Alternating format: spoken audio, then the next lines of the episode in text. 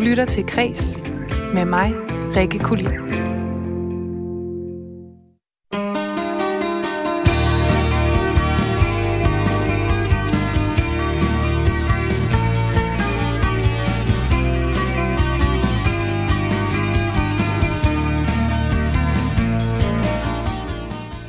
Lyder ordene beskat de rige tonedøve til en gala, hvor en billet koster 30.000 dollars.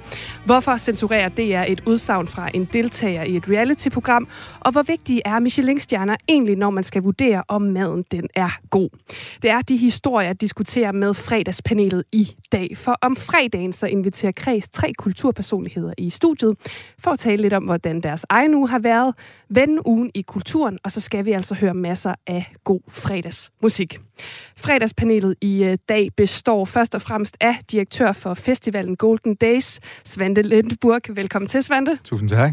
I midten i studiet i dag, der har vi manager, PR-agent og forfatter til øh, Kvindefantasier 1 og 2, Elisa Lykke. Velkommen til. Juhu, tak. Og sidst men ikke mindst, så har vi øh, komiker og podcaster Masud Wahedi med hund Luna i studiet. Velkommen til, Masud. Mange tak. Øh, først og fremmest alle tre, så er det jo fredag, og det er sådan en fredagsspar, vi lidt kører her. Og mm. øhm, i går, der fejrede vi, at øh, Kulturministeriet fylder 60 den her uge.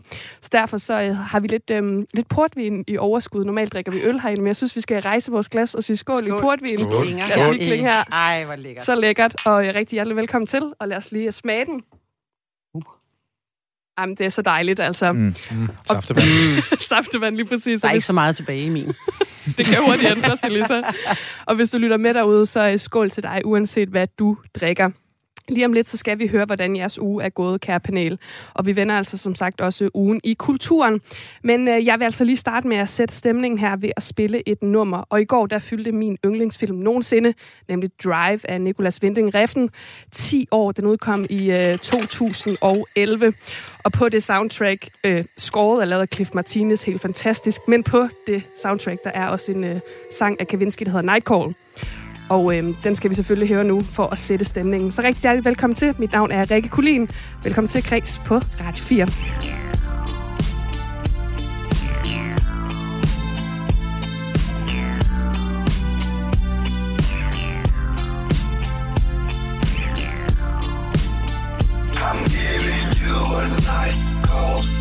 tell you how I feel.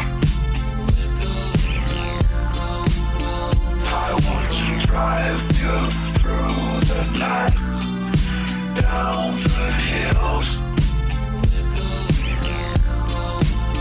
I gotta tell you something you don't want to hear. I'm gonna show you where it's dark, but have no fear.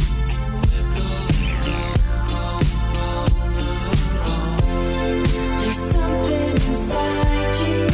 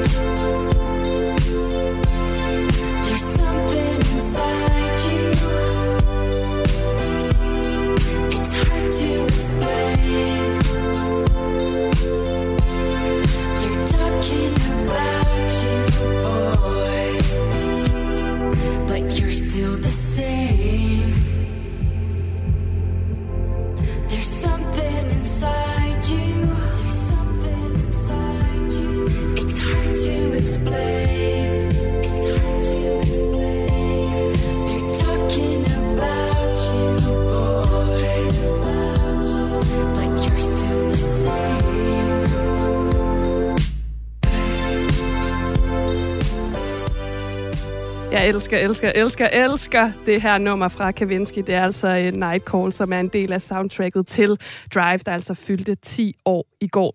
Du lytter til Kreds på Radio 4, og i dag der har vi altså besøg af et dejligt fredagspanel bestående af Svante Lindeburg, Elisa Lykke og Masud Wahedi. Og inden vi kaster os over øh, sådan kulturugen, nyhederne i kulturen den her uge, så kaster vi os altså lige over jeres uge hver især. Og Svante, lad mig starte med dig, fordi vi, vi hopper jo lige midt ned i Golden Days, der har fundet sted siden 3. Øh, september, som du jo er direktør for.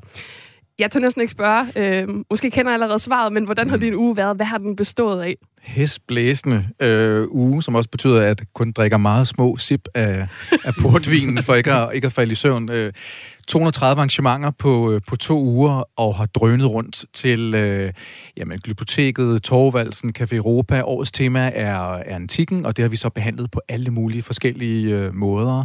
Blandt andet har vi haft øh, Knud Romer til at genopleve Radio 24-7's øh, hvad hedder det, ja, hedengangende program Romeriet, den her gang kun om, øh, om Romeriet. Så, så jeg står lidt mat her ved den sidste weekend på vej ind i øh, slutspurten, og så har vi så oven i det også øh, lavet en øh, kæmpe kampagne, der hedder K7, som inviterer unge under 27 til at komme gratis på museum i hele landet. 111 museer er, er med. Så der har været godt, øh, godt gang i den. Men ja. jeg har faktisk en lille gave med Nej. til jer. Jo, Nej. fordi vi fandt nogle ekstra muleposer, som ellers var fuldstændig revet væk. Så Nej. ja, der er en lille... Nej, nej, nej. Altså, Jo, I får en lille... Nå, jeg synes kun, jeg kan se en, Svend. Ja, men de, de, kommer, øh, de kommer her. Mange tak. Ej, hvor er de flotte. hvor er det flotte. Må jeg her. Nej, tak. Og det er jo simpelthen et, øh, et atletikstadion af en art. Fra, fra det antikke Grækenland. Fra det antikke For det Grækenland. Det ser olympiaden meget... Øh, blev jo også grundlagt øh, der, og maratonet og, og sådan nogle ting. Ikke?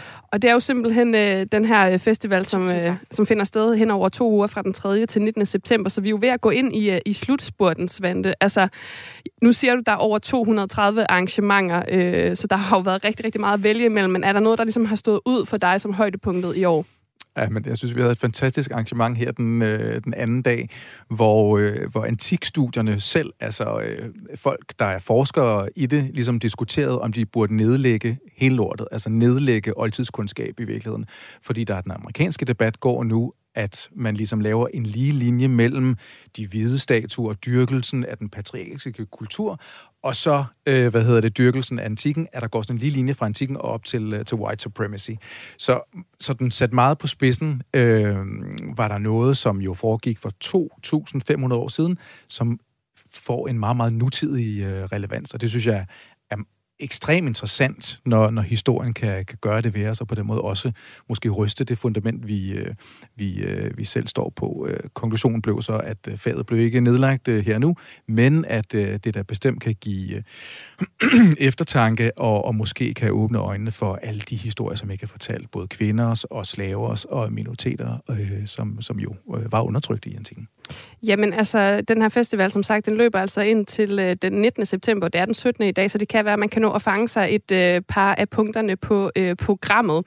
Der er også nogen, der skal spille øh, senere i aften, og jeg ved, at den øh, sang, du har taget med, og vi kommer til den senere, jeg vil bare tisse lidt for dem, de er altså også øh, på plakaten her til øh, Golden Days. Men øh, der er jo også andre i studiet, der har haft en uge, fordi I er her lige nu. Og Elisa, jeg ved, du har øh, du flyttet den her uge, så Åh. du har haft øh, også travlt men på en lidt anden måde. Ja, ja, privat, og så, øh, ja, altså en flytning. Altså, hvis man har prøvet det, så ved man, hold kæft, hvor er det drænende. Ja. På alle måder, og du ved, skal aflevere det gamle, og over i det nye, og gud nej, og fik man ikke lige slebet gulvet rigtigt, og åh, får man sit depositum tilbage. Og jamen altså, det er bare en virkelig drænende omgang, og jeg lever lidt i det er et skønt nyt sted, men øh, med omgivet af flyttekasser, og kan ikke finde noget, og hvor lagde man det? Lagde man nu øh, den bog sammen med et stykke tøj. Og, ja, men, så det har jeg brugt meget tid på. Men så har jeg også oven i det, jeg har jo et arbejde, jeg skal passe. Øh, som manager for blandt andet med Steffensen og Sara Bledel, og du ved, deres forretning skal jo også køre. Og øh, tager en masse komikere på tur, faktisk, som jeg også laver presse for. Adam og Nora, Carsten Bang, Heino Hansen. Alle mulige komikere, som jeg også skal holde kørende. Og så havde jeg da også lige en deadline på øh, min øh, nye bog, øh, Mandefantasier. Nu har jeg jo lavet kvindefantasier 1 og 2 med kendte kvinder, som har skrevet øh, sexede noveller. Ja, frække noveller. Meget og denne gang frække. er det, er det mænd simpelthen. Nu er det simpelthen kendte mænd, øh, som, øh, som skal skrive. Den kommer her i oktober, så der har jeg haft en øh, deadline på det, og har læst ekstremt meget svedig sex. Hvordan har det Blandt været oven i flytning. flytningen? Det, altså, det, man har ikke rigtig kunne eksekvere på noget. Men det har, været, øh, det har været et frirum midt i at flytte, vil jeg sige. Så har det virkelig sådan, så har man lige sådan kunne drømme sig lidt hen og sige, okay, vi mænd og kvinder, vi er egentlig ikke så langt fra hinanden. Og det er også lidt det, jeg vil med mandefantasier nu, at man ligesom kan sige, okay, hvordan er det egentlig lige mænd og kvinder? Hvad er, er vi så langt fra hinanden, når det drejer sig om fantasier? Eller elsker vi bare bold alle sammen? Vi elsker alle sammen at bolle. Det gjorde de også i antikken. Ja, nemlig. Jeg sad også og tænkte, der var også en slags kultur i det. Men, øh, men nu, øh, nu har vi jo et, et større, hvad kan man sige, øh, øh, podie til at fortælle de her historier. Det kunne man ikke rigtig dengang. Så nu, nu kan vi dele det her øh, på den her måde. Jamen, Så det har bare været et lille udpluk af min, øh, af min uge. Ja, og i meget forskellige retninger, og på en eller anden måde synes jeg også, det hele øh, hænger lidt sammen der. Masud, vi skal også have, have dig med. Øh, jeg ved jo, at... Øh, fordi du, du kan jo ikke stoppe med at lave podcast. Altså, du har din egen podcast, Masud mm. Vahedi Podcast, som startede for altså, cirka halvandet år siden, og vi kom frem til, at det er omkring 214 afsnit, der er nået at blive lavet på ja. Ja. den her tid. Det er jo helt vildt. Stopper du aldrig? Ja, men jeg hygger mig rigtig meget med det. Så jeg kan rigtig godt lide at lave det og snakke med folk. Og, og jeg, det er min egen podcast, jeg kan lave, hvad jeg har lyst til, hvor lang tid det kan, det kan være. Så jeg bestemmer også, hvem det kommer ind, og, øh, og hvordan jeg ændrer på, hvordan afsnittet bliver lavet. Så derfor hygger jeg mig rigtig meget med det. Hvad taler I om? Jeg er bare helt nysgerrig. Øh, normalt er det med komikere. Normalt er det ofte sådan, at Heino har været der, Mm. Carsten Bang har været der, tror jeg også. Ellers så kan vi lave en aftale Ja, jeg har, jeg har haft Carsten. Ja, Jo, ja, jeg har haft Carsten. med. Det er fordi, jeg, normalt, jeg kan ikke huske, hvad jeg snakker om i podcasten. Folk har snakket med mig og siger bare, "Ej, vi snakker om det her ting, så bare, jeg kan ikke huske noget som Ej, helst. det er du har snakket med så mange. Jamen, jeg stod snakker med så mange 214. mennesker. Ja, ja. Men det er, og så har jeg også haft en af mine yndlingsafsnit, er, for jeg havde Rasmus Paludan med ind og snakke med ham. Uh, han var en af de... Ja, I starten, af jeg lavede det, jeg vil gerne snakke med komikere. Mm. Mine to f- mest, jeg vil gerne have med ind, det var Jaja Hassan og Rasmus Paludan. Og Jaja Hassan begik... Ja, han døde to uger efter. Så det nåede jeg desværre ikke. Men jeg fik Rasmus Paludan med ind her for et par måneder siden, og det var... Meget kontroversielt. Lige inden uh, han Ja, var på alt- forsiden. Ja, sket, ja. Ja men Men, du, jamen, det var lige efter, men han er altid på vores side. Han er en kontroversiel person. Ja, må man altså, det er ikke sådan, som om det lige nu, det var lige at køre. stadig på forsiden. ja, ja. Og udover den podcast, så er der jo også øh, podcasten om ingenting, som den, som den vist nok hedder, men ja. Den handler jo om Seinfeld, og det er jo også, altså apropos noget, at skulle lave mange afsnit af noget, det er jo også en serie, der har i hvert fald over 150 afsnit. Ja, Du laver den sammen med Annika Åkær, Miki Vindsløv og uh, Torben Sangil, podcasten om ingenting, Seinfeld-podcasten. ja. Så fire mennesker, der kaster sig over den i 2021. Hvordan øh, kan det være, at det skulle ske? altså, jeg, jeg elsker det. Det er det sådan, Seinfeld er det der, jeg er vokset op med. Jeg kan huske at sne mig ind i hos øh, øh, de voksne, altså mine forældre, da de Det så Seinfeld med natten. mig og pornobladet, de grå sider. Ja, ja, præcis. Se mig ind hos min veninders far. Jeg så det, jeg elsker det. Så deres. Ej, hvor er det stærkt. Ja, og så er det, og så, det, det er en af de der øh, tv-programmer, jeg, jo flere gange jeg ser det, jo bedre kan jeg lide det. Så Sopranos er jeg i gang med at se for femte gang. Jeg elsker det mere nu, end jeg gjorde første gang, vi lægger mærke til detaljerne. Og så nørder med det rigtig meget. Og de elsker det også, og så er det bare sjovt at få lov til at lave det her sådan hyggeprogram. Og jeg har næsten ikke noget ansvar, for det er dem, der tilrettelægger alle afsnittene. Jeg står bare og producerer det og siger nogle ting nogle gange imellem. Og Ja. det elsker jeg bare at gøre. Ja, Og, og hvad så ser I så et afsnit af gangen sammen? Så Ja, vi så Vi ser et afsnit lige før. Mm. Vi, vi går i gang, og så er det folk, der har forberedt sig omkring sådan Seinfeld i virkeligheden, eller hvad man selv har oplevet, og hvordan Seinfeld går ofte ud på regler, som er ikke blevet skrevet ned. Ja. Og så ser det, how gør vi det i virkeligheden, og Clown har også den der, du har lavet Clown-podcasten, de har også masser af regler, de snakker omkring. Lige præcis. Mm. Mm. Ja, men det, og det er jo, øh, apropos ting, der er meget betydende, det er jo meget betydende at tage et øh, gammelt stykke kultur, og så genopleve det igen. Det passer også meget godt til antikken i virkeligheden. Jeg synes, vi binder det Mm. hele sammen Ja, nu det er her. vidunderligt bånd. Og øh, dem øh, kan man altså finde begge to, de her podcast øh, derude med sut. Mm. Det kan man. Alle tre. Altså, vi har så meget, vi skal nå i dag, og jeg synes egentlig bare, at vi skal springe ud i uh, dagens første historie.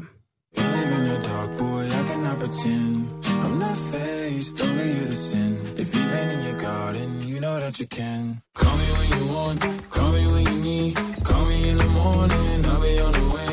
Call me when you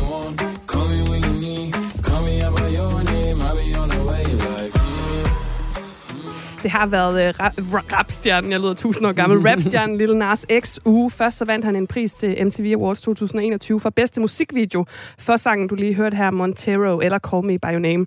Tirsdag var han så en af dem, der løb med overskrifterne til Met Gala 2021 med sit outfit, og i dag har han udgivet sit uh, debutalbum Montero. Og det er altså lige præcis øh, Met Gala, som jeg nævnte uh, nu her, som vi skal kaste os over nu. Fordi natten til uh, tirsdag dansk tid, der er samlet den kulturelle elite i USA til den årlige Met Gala, som er det her velgørenhedsarrangement til fordel for Metropolitan Museum of Arts i New York, som øh, Anna Wintour står bag. Og hvad der foregår ind til galaen, er der måske ikke så mange, der i virkeligheden går op i. De går nemlig op i den røde løber, hvor popkultur og kunst og øh, de allermest indflydelsesrige personer, de kommer i meget, meget i øjenfaldende tøj. Og hvert år er der et tema, og årets tema, det var American Independence, altså amerikansk uafhængighed. Og der var jo lidt af hvert på den her øh, røde løber. Jeg kan starte med dig, Lisa, fordi da jeg mm. fortalte dig, at vi skulle have den her historie, der var du allerede op og køre Met Gala. Er det noget, du går op i? Er du sindssyg? Altså, jeg er jo gammel gossip-ekspert på Godmorgen Danmark. Hvad tror du? er du sindssyg? Og det første, jeg gjorde, jeg vågnede, vi har lige snakket Svante om vi i morgen, men skal jeg vågne klokken 6 og skulle se alle billederne og lage op og lave afstemninger på min Instagram. Hvad er smukt? Hvad er ikke smukt? Hvad er grimt? Er der thumbs up, thumbs down? Jeg elsker det.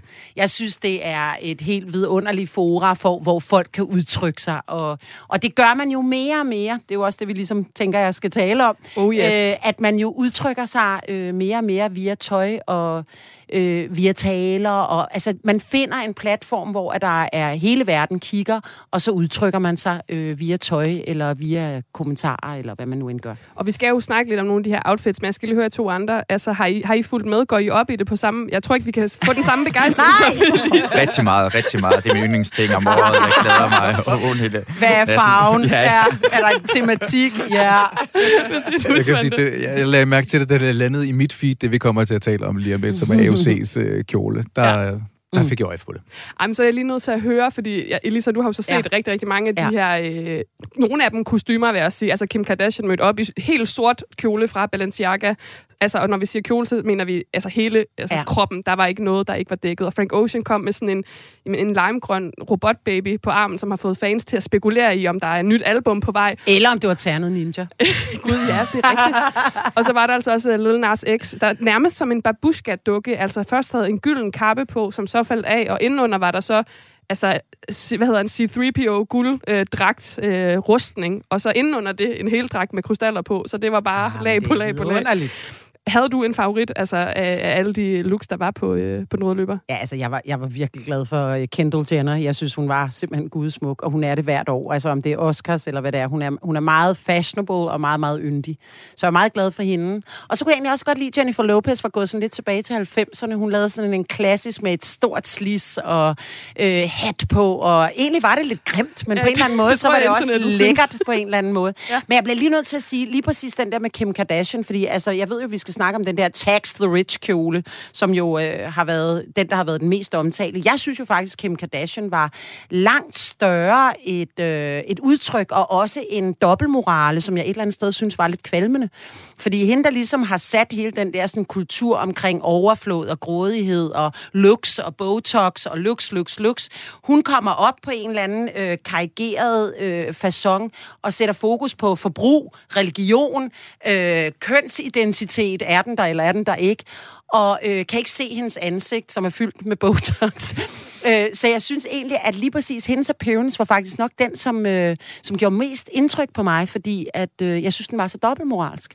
At det er jo hende, der har skabt hele den der sådan, politik omkring lux og tøj og forbrug, og så kommer hun ligesom og skal, du ved, sådan være, du ved, non-binær, et eller andet, du ved, øh, og sætter fokus på noget. Så egentlig synes jeg faktisk, at hun er den, som, som jeg lagde mest mærke til. Ja, og det har der også været øh, stor fokus på, den der dobbeltmoral i, hvem der kan gå i hvad. At hun kan til- tildække sig som en fri kvinde, mens der findes andre steder, hvor at øh, kvinder ikke kan få lov til at gå i Lige hijab for eksempel, eller skal gå i det tildække. Så der, er, der har været rigtig meget fokus netop på det politiske i, øh, i år. Og nu har I jo nævnt den her kjole Tax the Rich, altså beskat de rige, for det var den demokratiske øh, valgte Alexandria Ocasio-Cortez, også kendt som AOC, som øh, kom i en øh, hvid kjole med de her ord, beskat de rige, øh, på ryggen. Og den har altså fået gang i debatten og diskussionen, fordi folk har på den ene side sagt, det er tonedøvt at møde op til, det, til sådan et arrangement med rige superstjerner. Øh, hvilken effekt skulle det dog have, øh, når, øh, når man står der sammen med dem, som er the rich? Og på den anden side har der så været folk, der har kaldt hende en øh, antikapitalistisk dronning, og sagt, jamen hun siger jo bare det, hun også øh, preacher i sin øh, politik. Men hvor står I i det her?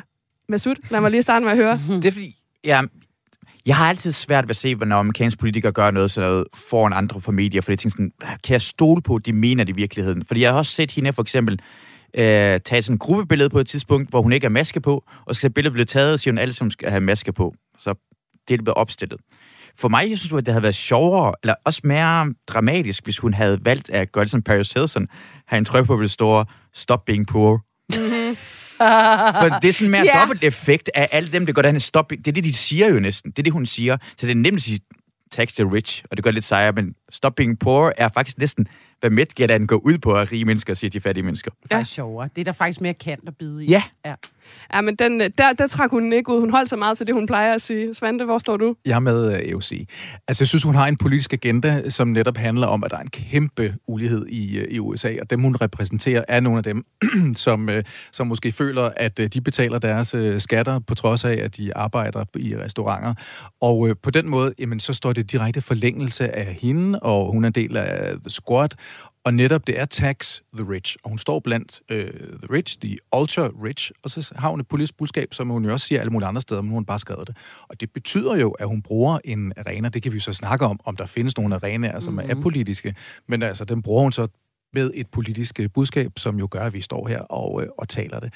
Så på den der måde, at der er sådan en illusion om, at, øh, at der findes nogle steder, der er renset for politiske statements eller budskaber.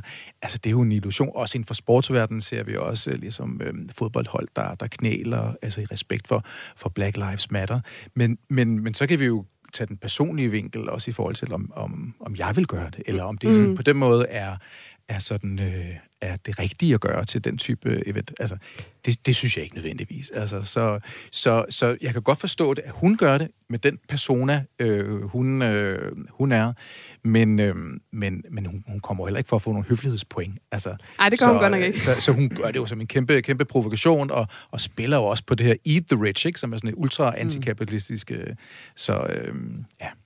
Og så kan man også lige sige, at sådan den her øh, kritik har hun også været igen på med blandt andet at sige, fordi et, et, til eventet koster en billet 30.000 dollars, altså 220.000 danske kroner, men hun er øh, medlem af kongressen, og derfor så bliver hun inviteret i øh, sit embede som politiker valgt i New York, som led i sine øh, politiske forpligtelser, så man kan jo også tale om, når man nu har muligheden for at sprede sit politiske budskab, er der så nogen grund til at lade være? Altså, det er vel oplagt. Jamen, og, og du ser det jo igen og igen. Vi har set det i taler til de Oscars, du ved, øh, så har Joaquin Phoenix gået ind, og de stjæler platformen, og der er bud efter den. Der er bud efter den platform, og især på nogle, nogle events, som er worldwide. Øh, og det kan man jo sige, altså vi sidder og taler om den i lille Danmark, så det vil sige, at hendes budskab er jo på en eller anden måde kommet ud, og hun har bare grebet momentet.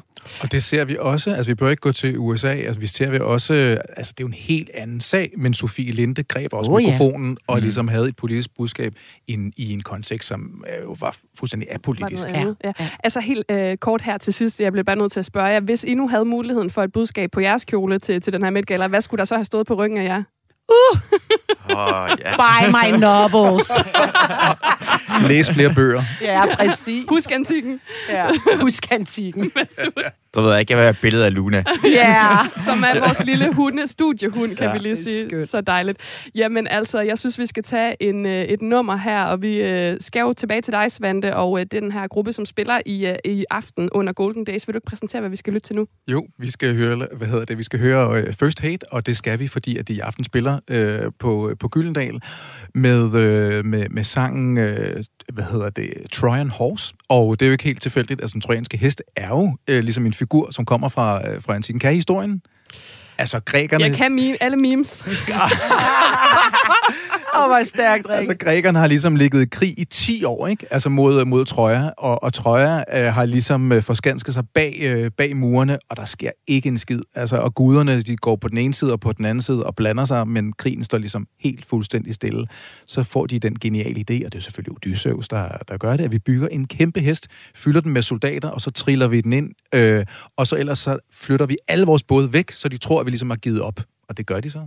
Triller hesten ind, og om aftenen, jamen, så drikker de så for sans og samling trojanerne, fordi de er så glade for, at de har vundet i portvin. Og så imens så lister soldaterne ud, og så dræber de dem alle sammen. Ikke? Ej. Og sikkert også voldtager og alle Jeg tror ikke, jeg ting. kender ikke? det nummer. Det glæder jeg mig til at høre. Jamen, øh, der er ikke mere at sige, end her kommer First Hate med Trojan Horse. Sådan.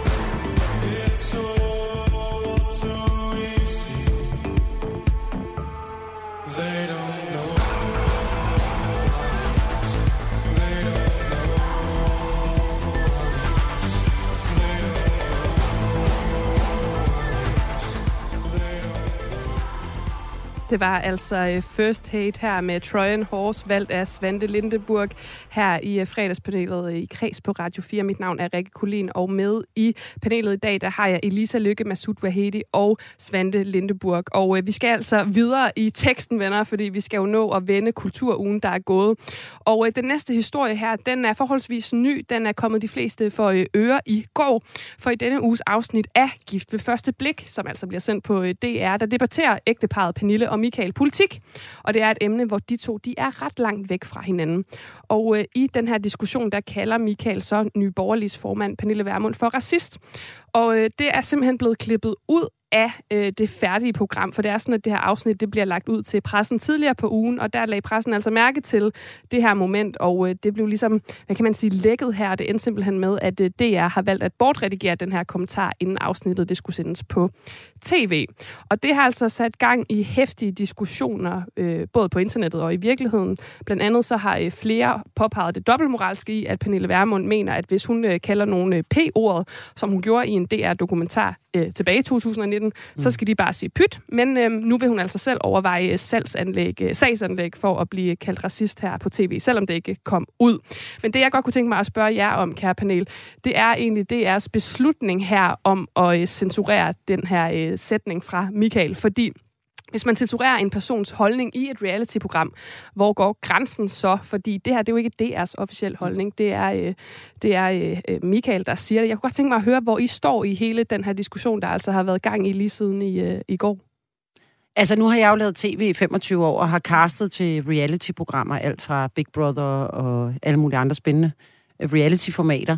Og lige præcis det, der skiller sig ud fra en øh, konstrueret øh, tv-produktion og øh, til reportage, reality, det er jo netop, at man... Øh, at alt skal være umiddelbart i en reportage, og det er jo også der, at det bliver pigerne og spændstigt.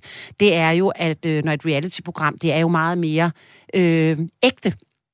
Øh, man kan selvfølgelig diskutere omkring krænkende adfærd, men det her sådan øh, gift ved første øjeblik... Øh, øh, øjeblik. Gift ved første øjeblik. Øh, jeg blev forelsket. Øh, jeg skal giftes. Øh, det, som der øh, er i lige præcis, øh, det er jo, at det er en, en snak mellem to mennesker. Dermed tager man, har man indblik i en samtale i et reportageprogram, og der bør man ganske enkelt ikke klippe ud, hvis du spørger mig. Ja. Altså, der bliver du nødt til, at øh, det er et reportageprogram, man følger. Hvad bliver der sagt? Man kan selvfølgelig også klippe ud, hvis der er nogen, der får øh, second thoughts omkring, at oh, nu, nu havde vi sex der, og jeg var måske lidt højlydt. Så kan man tage en diskussion med produktionsselskabet, om det skal klippes ud. Men en snak, man vælger at vise mellem to mennesker i et redigeringsrum, det må man ikke fjerne. Og det var jo heller ikke mening fra starten, kan man sige. Det er, fordi den her kritik har øh, havlet ned over, det er, at man valgte at, at klippe det ud. Hvor står I henne i den her censur Jamen, for det første, jeg synes, altså, når, når man har DR, som har ikke nogen... Altså, det, det er kun licenspenge, de går ind på. Det er ikke nogen reklamer. Så skal de holde fast. De er så dårligt at holde fast omkring de kontroversielle ting. Jeg husker også, det var det med Huxi Bak, der ja. Og Iben Søjden. Ja, ja sådan, det blev også klippet ud. Det, blev sådan, det er sådan ja. ting, der blev klippet ud, hvor de lavede andre ting. Og jeg synes, det er sjovt, ikke det sjove er, men ordet racist er for mig... Jeg, jeg elsker det ord, for det er det eneste måde, man kan fornærme en hvid person på. det er ah, det eneste... Jeg kan jo, jo. godt komme i tanke om andre ting.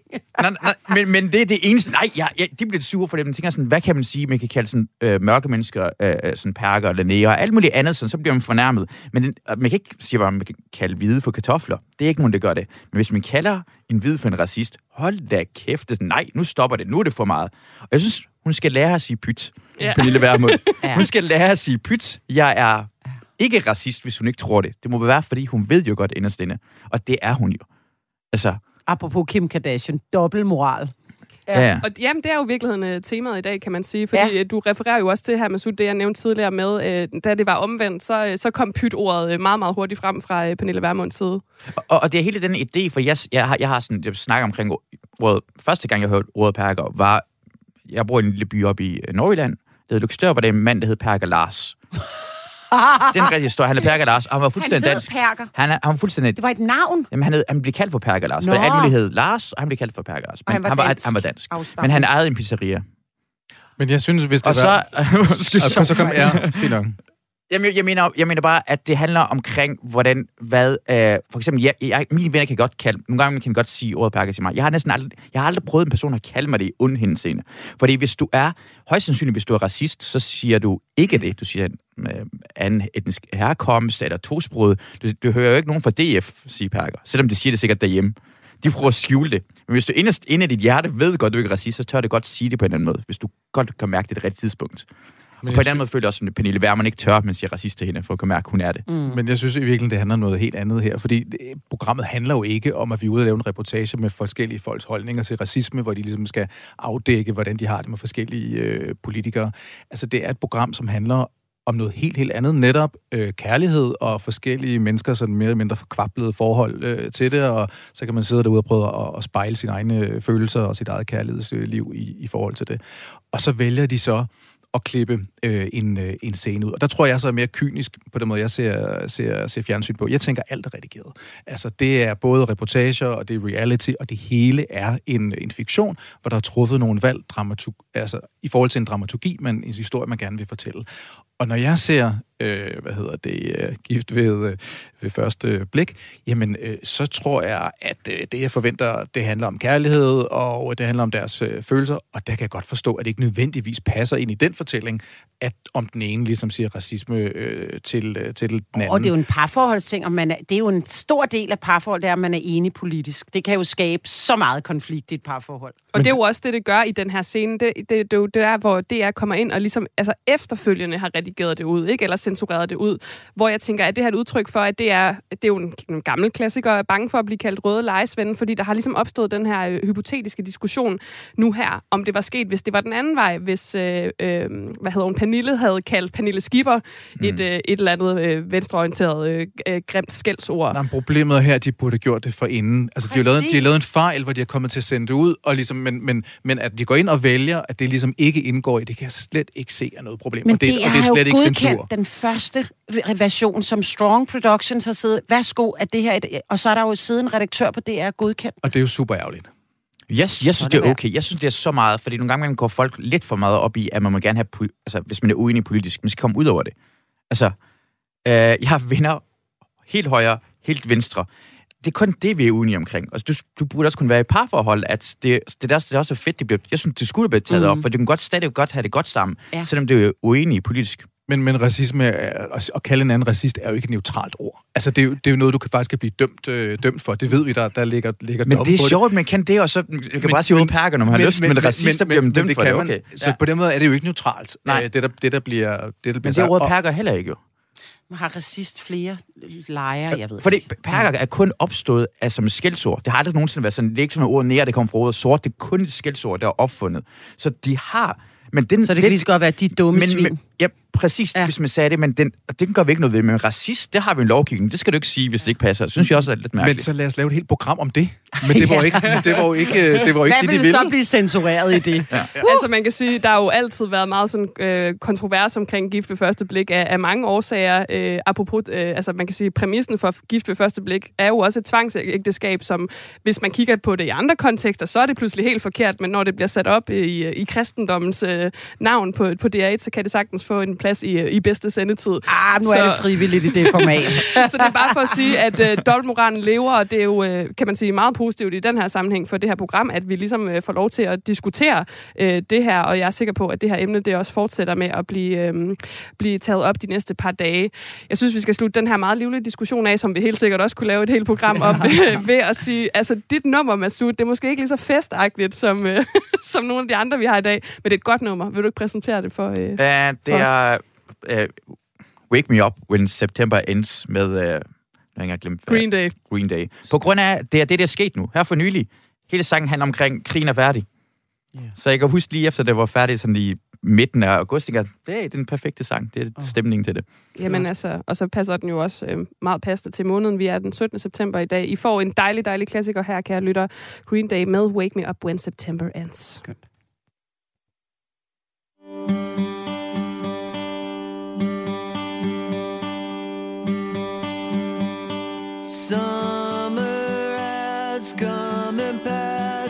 The innocent can never last. Wake me up when September ends.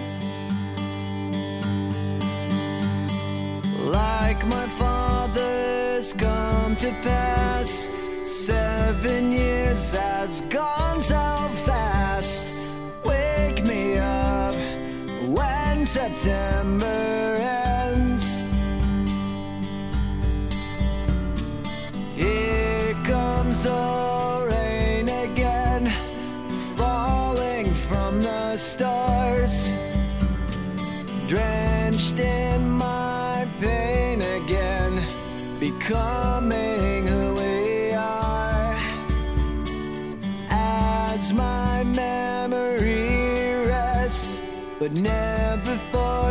forgets what I lost.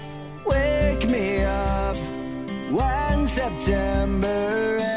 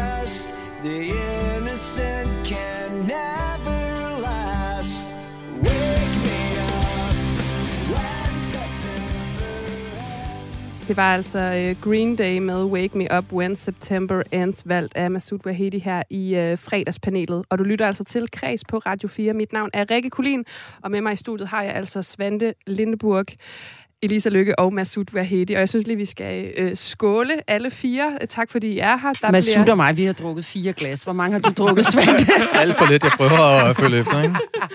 Du har også en travl weekend. Og det er altså øh, en leftover portvin fra i går, da vi fejrede Kulturministeriets 60-års fødselsdag med de to tidligere kulturministre, Uffe Elbæk og øh, Brian Mikkelsen. Det kan du finde øh, som podcast. Men kære panel, nu skal vi altså nå den sidste historie i dag.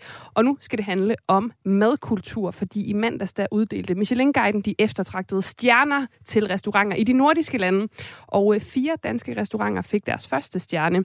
Og min kollega på Radio 4 Morgen, Kasper Harbo, han fremlægger lige her de fem kriterier, der skal til for at få en Michelin-stjerne. Der er kvalitet på råvarerne, så er der håndværket, personligheden, noget for pengene, er der også en kategori, der hedder, og så er der kvalitet ja. over tid. Det vil sige, at oplevelsen ikke må afhænge af, øh, hvornår man besøger restauranten. Det skal bare altid være godt. Det skal bare altid være godt. Og i alt der har Danmark, inklusiv Færøerne, nu 38 Michelin-stjerner fordelt på øh, 27 restauranter. En af de øh, største overskrifter, det var Noma, hvor øh, medejer og øh, køkkenchef øh, René Redzepi blev tildelt en tredje stjerne, og dermed oppe i den højeste liga, og øh, en anden restaurant i Danmark har det, nemlig Geranium. Kære øh, panel her, jeg er meget spændt på det her emne, fordi oh. øh, jeg er ikke den største foodie. Jeg er meget sådan en TripAdvisor kind of gal. Øh, så det der med Michelin-guiden. Stop! Stop! TripAdvisor! jeg har aldrig fået kigget i den. Altså, går I op i det her overhovedet? Øh, ja. Øh, i, Også her. Sindssygt ja. Stort ja. Altså, det er jo altså madkulturen inden for, altså hele Michelin, jeg har fulgt med, siden jeg var ganske, ganske ung. Og det er for mig art. Altså, det er, øh, jeg jeg elsker mad, og jeg, øh, altså, jeg har jo lyst til at gifte mig med alle de her Michelin-kokke. Altså, hvis, hvis det var, altså, jeg har lyst til at blive polygamist på stedet. Altså, jeg er Så bliver du med. Ja, præcis. Og, øh, du ved, jeg bliver sådan en, bare feed me, feed me. Altså, du ved, og jeg bare synes, det er røvliderligt. Men i hvert fald, så, De kan bare ringe. de kan bare ringe. Hør efter. Prøv at høre. Jamen, jeg har så stor respekt for, at man på forholdsvis, altså, enkelte, altså råvarer, selvfølgelig er der tons af dem, men alligevel er der ikke. At man hele tiden kan finde ud af et nyt stykke. Det er jo ligesom med musikken og, og, og, og malerier. Altså den måde, de kan gå til øh, maden på, jeg synes, det er, det, det er min yndlingskunst. Altså jeg vil til hver en tid hellere gå på en Michelin-restaurant, end jeg vil gå på Nationalmuseet. Ja, så er det sagt. Så er det sagt. Fordi jeg får alle mine sanser øh, tilfredsstillet i et øh, besøg på en Michelin-restaurant, og øh, jeg har virkelig, virkelig, virkelig brugt mange penge. Virkelig. Og det Altså- ved jeg også, du har, Svante. Du Ja, har lige, du altså, det, Svante. virkelig, virkelig, Svante, fordi det er, er fuld, virkelig, Du tager, Svante. mig, du tager mig med i faldet. Ja, måske er jeg måske... Altså, fordi jeg har besøgt Michelin-restauranter i hele verden. Altså, det, for mig er det simpelthen en... Øh, ja, det er en hobby. Du skal bare have en tag til Rich. Ja, Ja, det er på, hvis mig, du går ind, så kan det være... Jeg har den derhjemme. Stop being poor. Altså, Eat the rich. Masud, nu nævner de to andre her, at de, øh, det lyder som om, I er hyppige gæster på Michelin-restauranter. Nej, men jeg, jeg, er en- jeg er en nysgerrig, øh, en nysgerrig foodie, sådan vil jeg sige det. Øh, Jeg var på min, jeg tror, jeg fik min, øh, min, øh, min Virgin-rejse faktisk på, altså det fuldstændig legendariske sted, øh, El Bulli, som er, er faktisk forgangsrestauranten mm. for mange, for hele den her øh, nye nordiske bølge, som ligger i det nordlige øh, Spanien, hvor jeg for 20 år siden med min, øh, med min daværende kæreste i virkeligheden fakede os ind. Altså, Ej, det det, var, stærkt. det var fuldstændig umuligt. Hvordan faker man sig ind? Men siger man er journalist eller et Det, eller andet. nej, det gør man ved at ringe, ringe på forhånd og lave sådan en måske-booking og sige, nej, nej, det kan det kan no, no, no, no, og sådan noget. Og så, og så ligger det af helvedes til. Og så var vi så i Barcelona, så var okay, vi chancer den, og så skal man køre over nogle forskellige bjerge, og så kommer man til den her lille bitte by, hvor restauranten er, og så så vi utrolig sådan nyforelskede og, og meget sådan øh, skandinaviske, og så fandt de sådan et lille bord til os. Og så spiste vi den her, øh, fandt, jeg har aldrig prøvet noget lignende, og så spiste vi så en, jeg ved ikke hvor mange retters menu, men hvor det var vendt på hovedet. Altså vi startede med desserten, mm. og så spiste vi så nedad og sluttede så med, øh, med forretten. Øj, bare for at sige... fancy.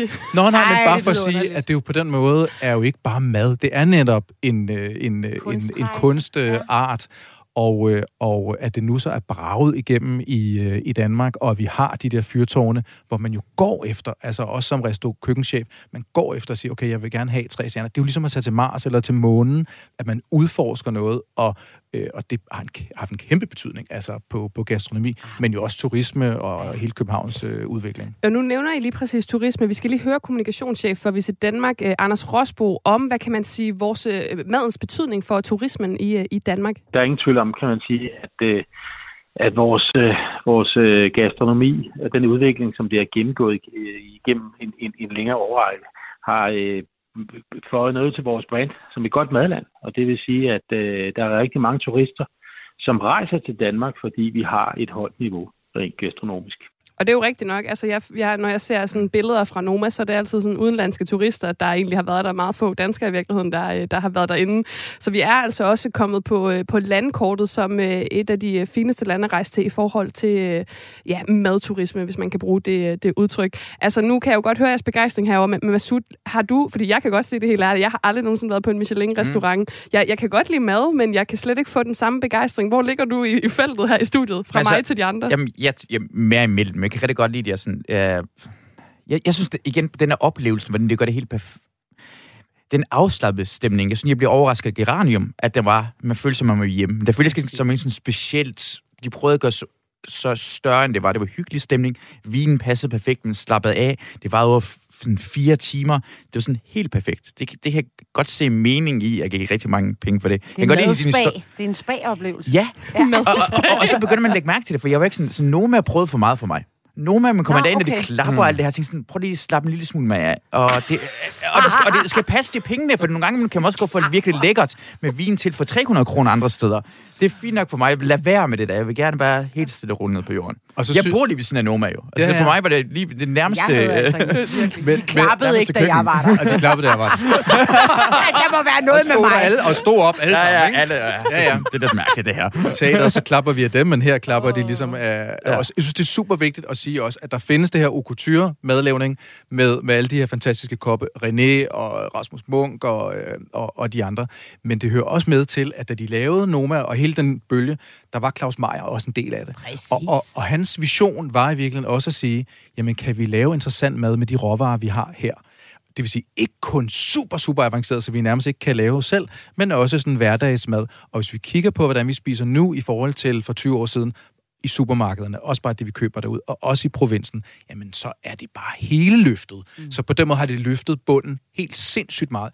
Ikke kun i København, også uden for København. Men... Der Men- kan du pludselig få koriander, spidskommen, Ja, det er øh, så- kapers, øh, Ja, thanks to altså, Meier. Så det er faktisk også og alle blevet mulige det, nordiske ingredienser. så ikke? det er Så faktisk vi, også blevet demokratisk, vil du sige. det er det da. Ja, ja, men det andet er der også. Ma- Maden på turen, jeg kan huske i starten, første gang jeg var ude og rejse rundt i Danmark og få mad på spisesteder, det var rigtig dårligt. Og nu er det faktisk rigtig, rigtig godt, for man kan mærke alle steder i Danmark. De har det er steppet bare op. bedre. Det steppet Ja. op. Så det har jeg gjort. Ja, Det er men det er også noget med sundhed og kultur. Og, altså, der er bare meget, heldigvis går vi den rigtige retning. Og så, og så kan du tage til lande, hvor det ikke er sådan, ikke? Altså, Ja. hvis du tager til, øh, til Norge, Ja. der har, der, der har ikke været madrevolution De må, endnu. øh, de Dyr må, kinakål. de må skæve herned til, hvor vi har et, øh, på det her punkt i hvert fald forholdsvis øh, enigt panel, som er meget begejstret for, øh, for den her Michelin-guide, og stort tillykke med alle de spisesteder, som fik øh, ja, måske en stjerne for første gang, eller tilføjet flere. Inden vi slutter helt af, og øh, jeg siger farvel, så skal vi altså også have øh, det sidste nummer i dag. Vi slutter ligesom af på, øh, på en high, vil jeg godt sige. Det er et fantastisk nummer, du har valgt, Elisa. Tak. Vil du ikke øh, præsentere for os alle sammen, hvad vi skal lytte til? Jo, altså jeg er jo en kæmpe poptøs, og øh, den her uge, der har jeg jo bare gjort alt for ligesom at skulle øh, get down to business og staying alive, så vi skal selvfølgelig høre øh, Bee Gees med Staying Alive. Det kan ikke være anderledes. Prøv at høre, øh, vi slutter af på øh, toppen simpelthen. Du har lyttet til Kreds på Radio 4, og jeg vil gerne sige tak til jer, mit fredagspanel bestående af direktør for festivalen Golden Days, Svante Lindeburg, komiker og podcaster Masoud Wahedi og manager, PR-agent og forfatter Elisa Lykke. Tusind tak, fordi I var med, alle tre. Tak for Tak. Og det her program, det kom altså i hus med øh, hjælp fra øh, Tjelle Åse Vejrup, og øh, vi lader lige øh, musikken øh, gå i gang her lige så stille bag ved mig. Jeg hedder Rikke Kulin, og Kreds og Maja Hall er tilbage igen på mandag kl. 14.05. Husk, du kan finde programmet som podcast. Om lidt, der er der er missionen her på Radio 4. Inden der er et nyhedsoverblik, men først, Bee Gees.